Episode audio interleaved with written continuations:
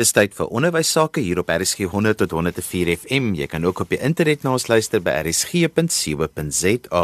Onthou RSG word ook op DStv se audiokanaal 813 uitgesaai. Ons gaan vandag oor twee onderwerpe gesels. In die eerste gedeelte van vandag se program gaan ons gesels oor hoekom tradisionele metodes nie noodwendig altyd werk in die wiskunde klaskamer nie. En by die tweede gedeelte van vandag se program gaan lê ons besoek af by Laerskool Tosius in Belwel. Maar kom ons begin eers by wiskunde. Daar's soveel tradisionele metodes wat nie meer werk in die wiskunde klaskamer nie. Ek gesels met Camilla Pretorius. Camilla, hoekom is dit so dat tradisionele onderrig nie altyd alle leerders in die klas bereik nie as dit kom by wiskunde? Weet jy Johan, vir ons is dit nogal ons is daar baie gefokus om seker te maak dat onderwysers besef dat een onderrigstyl of dit nou die tradisionele onderrigstyl of 'n ander onderrigstyl nooit alle leerders in 'n klas gaan akkommodeer nie. En daarom is dit belangrik vir onderwysers om te besef dat jy nog steeds die tradisionele onderrigstel moet gebruik of kan gebruik, maar dat jy hom altyd moet bywerk en aanpas. Omdat ons in 'n lewe leef wat heeltyd verander, moet ons ook ons onderrigstel daagliks aanpas en daarom is dit belangrik om seker te maak jy weet waar om hierdie aanpassings te kan maak. Kabila, kom ons praat prakties in die klaskamer. Wat verg dit dan om hierdie aanpassings te maak en hoe wat moet onderwysers dan doen? Goed Johan, kom ek praat sommer met 'n voorbeeld, dis dalk die maklikste. Byvoorbeeld die ding wat ons leer vir kinders oor die driedimensionele voorwerpe se ontvouings, hulle nette. Gewoonlik sal ons vir 'n kind die figuur gee en sê goed, ons knip hom uit, ons plak hom, ons vou hom. En hoewel daai baie belangrike vaardigheid is vir 'n kind om aan te leer, byvoorbeeld in die grondslagfase, het ons nie noodwendig in die intermediêre fase graad 4 tot 6 tyd om weer 'n keer daai hele figuur uit te knip en die vouing te doen nie. Daarom kan ons byvoorbeeld 'n program soos Geogebra gebruik om visueel vir 'n kind 'n beter metode te wys oor hoe hierdie ontvouing te werk.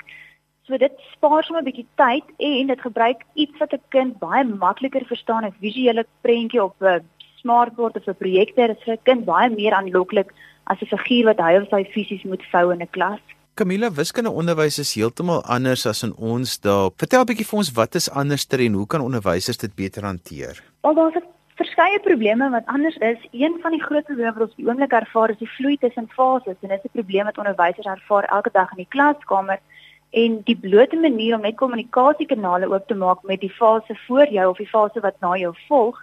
En dit is belangrik vir onderwysers om te weet wat die inligting vir die kinders reeds onder die knie het en waaraan hulle meer aandag moet gee. Dan natuurlik is taalvaardighede ook maar smaal 'n uitdaging. Nou ons in die wiskunde klaskamer het nie noodwendig die tyd om taalvaardighede aan te leer vir 'n kind nie.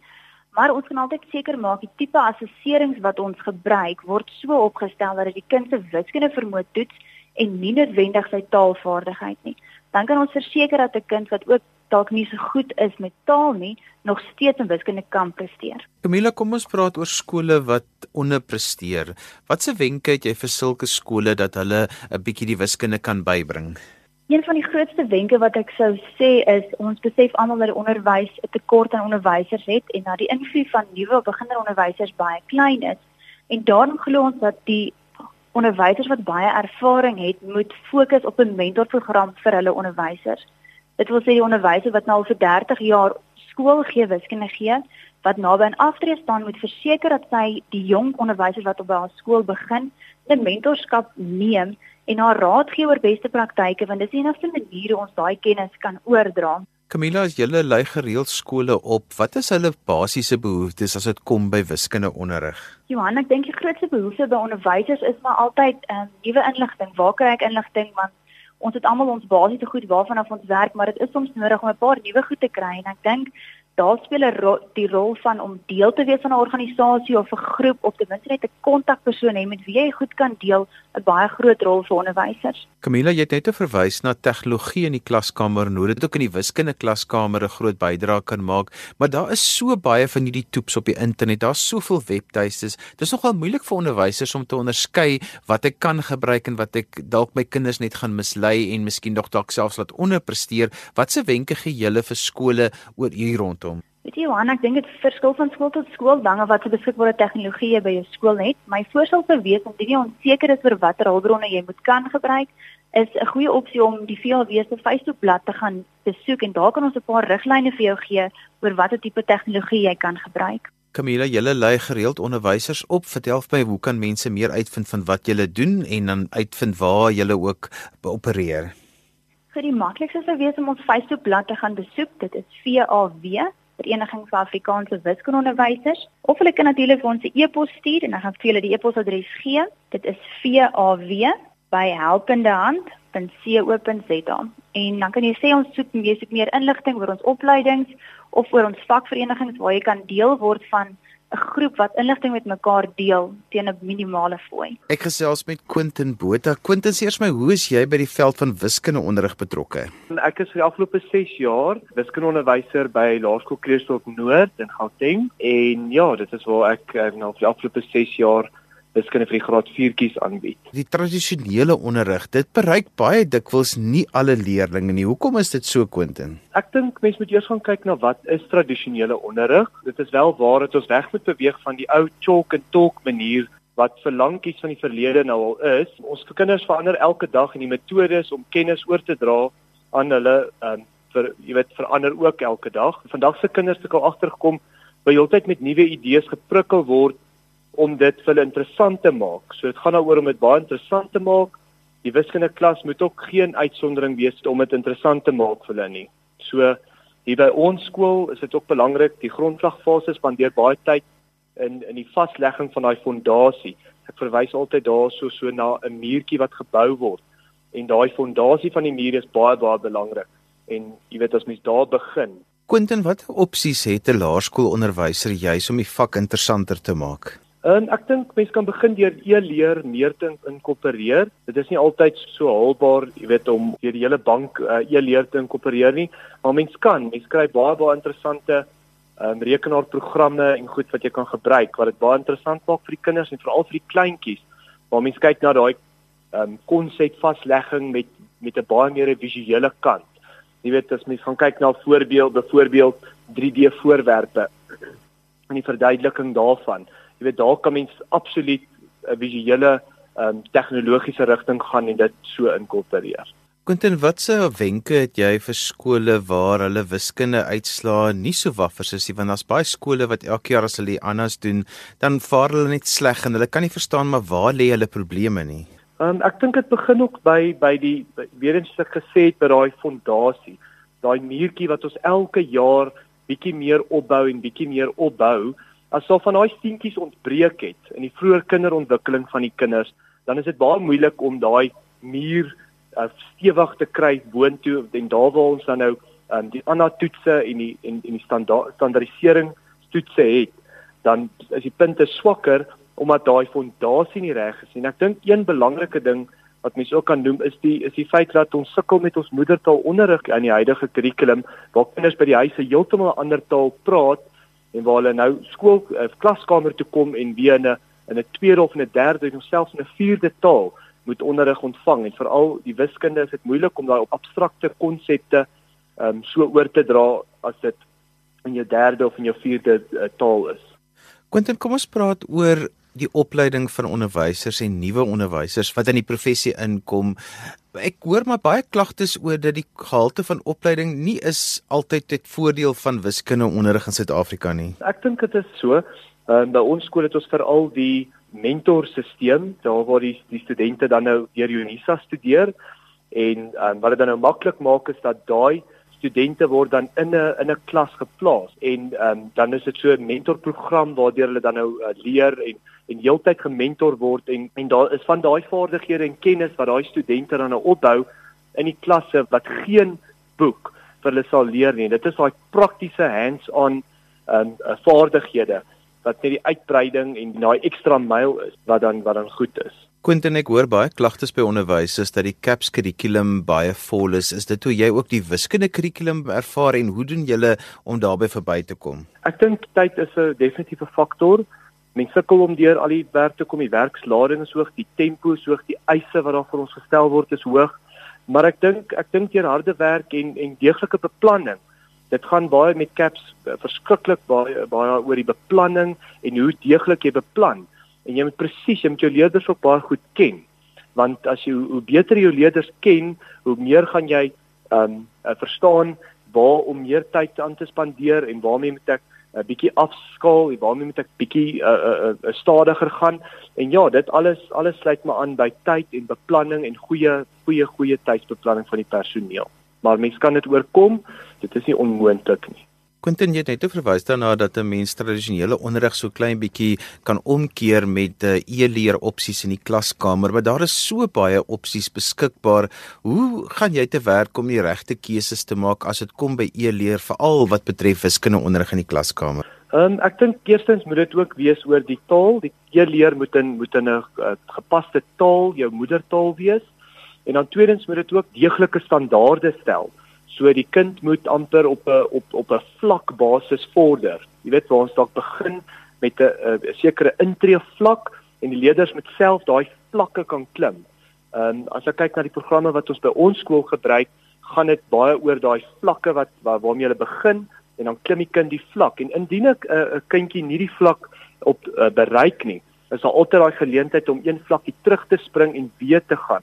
So sodoende uh, hou mense heeltyd aan om heeltyd daai uh, gaps te vul en seker te maak die kinders is voorberei. So ek sal sê die heel belangrikste uh, komponent van 'n e-leerstelsel of 'n e-leerprogram vir 'n rekenaar um, is veral daai um, vlakke wat hulle daar moet stel wat die leerders dan kan klim. En dan ook en kan mens byvoeg vir die vir in die klaskamer is dit belangrik weer eens daai visuele is die is die e-leerprogram wat jy gebruik regtig kleurvol? Is dit uh, trek dit die aandag?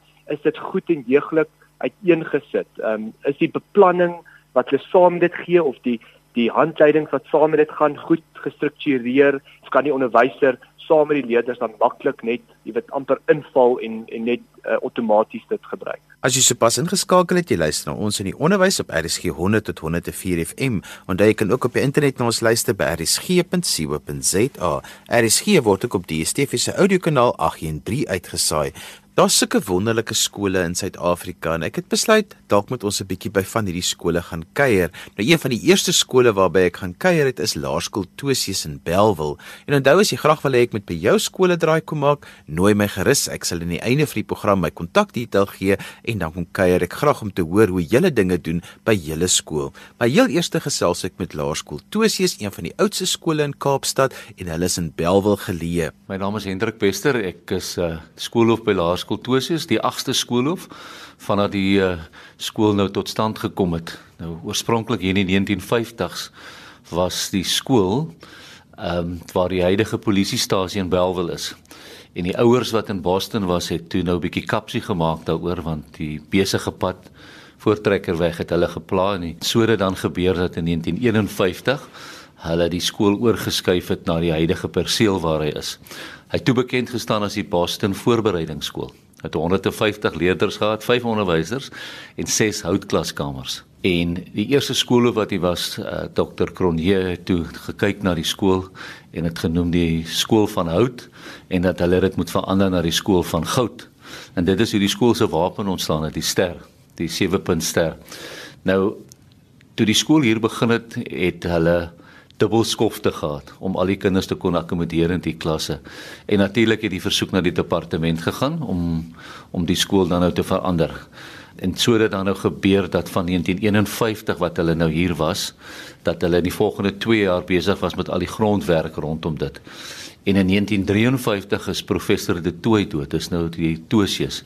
En so is daar dan besluit om die skool na nou hom te vernoem en so het dit dan nou gebeur dat in 1954 die 1 Januarie 1954 het hierdie skool dan nou eintlik dan nou tot stand gekom. Die gebou is as sulks ingehuldig op die 28ste November uh 2 jaar later. So dit is in kort waaroor Tosius gaan. Hy was Engels en Afrikaans en dit het mettertyd uitgefaseer en heidaglik is ons dan nou net 'n Afrikaanse skool. Die skool het oor die jare baie verander wat sy demografie betref. Vertel 'n bietjie vir ons van hoe die skool verander het en waar ons julle vandag is. Weet jy, ek kan nou maar net praat oor wat die laaste 3 en 'n half jaar gebeur het omdat ek mos nou maar daai tyd of vir daai tyd hier is.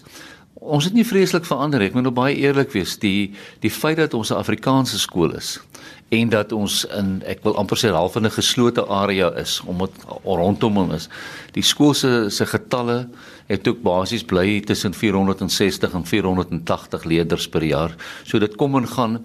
So daar het nie vreeslik baie veranderinge gekom ten opsigte van ehm um, van die leerders wat van oral af kom nie. Die een ding wat wel gebeur het is dat ons uh die afgelope 3 jaar baie of nie baie nie, maar leerders wat tuiskool het wat ons laat inskakel by ons sport en hulle is by ons kultuur in so dit het nou wel gebeur en dan moet ek ook sê die een mooi ding van Tosius is dat dit het die een skool geword waar ons leerders wat spesifieke behoeftes het. Ek meen nou praat ek van enige iets van gehoor tot ehm um, kry ons baie aansoeke en ons is nogals daarop ingeskakel. Ons praat altyd van laerskool Tosius as die familieskool. En dis wat vir ons lekker is. Die mense voel welkom hier. So ek ek soos ek sê ek kan nou maar net praat van die laaste 4 jaar en ehm um, die veranderinge wat ons hier gehad het is maar wel net ten opsigte van ons personeel gegroei het. Ehm um, en die skool wat natuurlik nou natuurlik ook die leer geklim het ten opsigte van sekere goed om 'n klein Afrikaanse skooltjie in 'n groot stad te bedryf het bepaalde uitdagings. Wat is die uitdagings wat julle elke dag mee te doen kry? Weet jy, ek dink op hierdie stadium as as 'n mens nou so kyk akademies gewys, wil ek eerlikwaar sê en hier ek my hoed af vir 'n besondere personeel.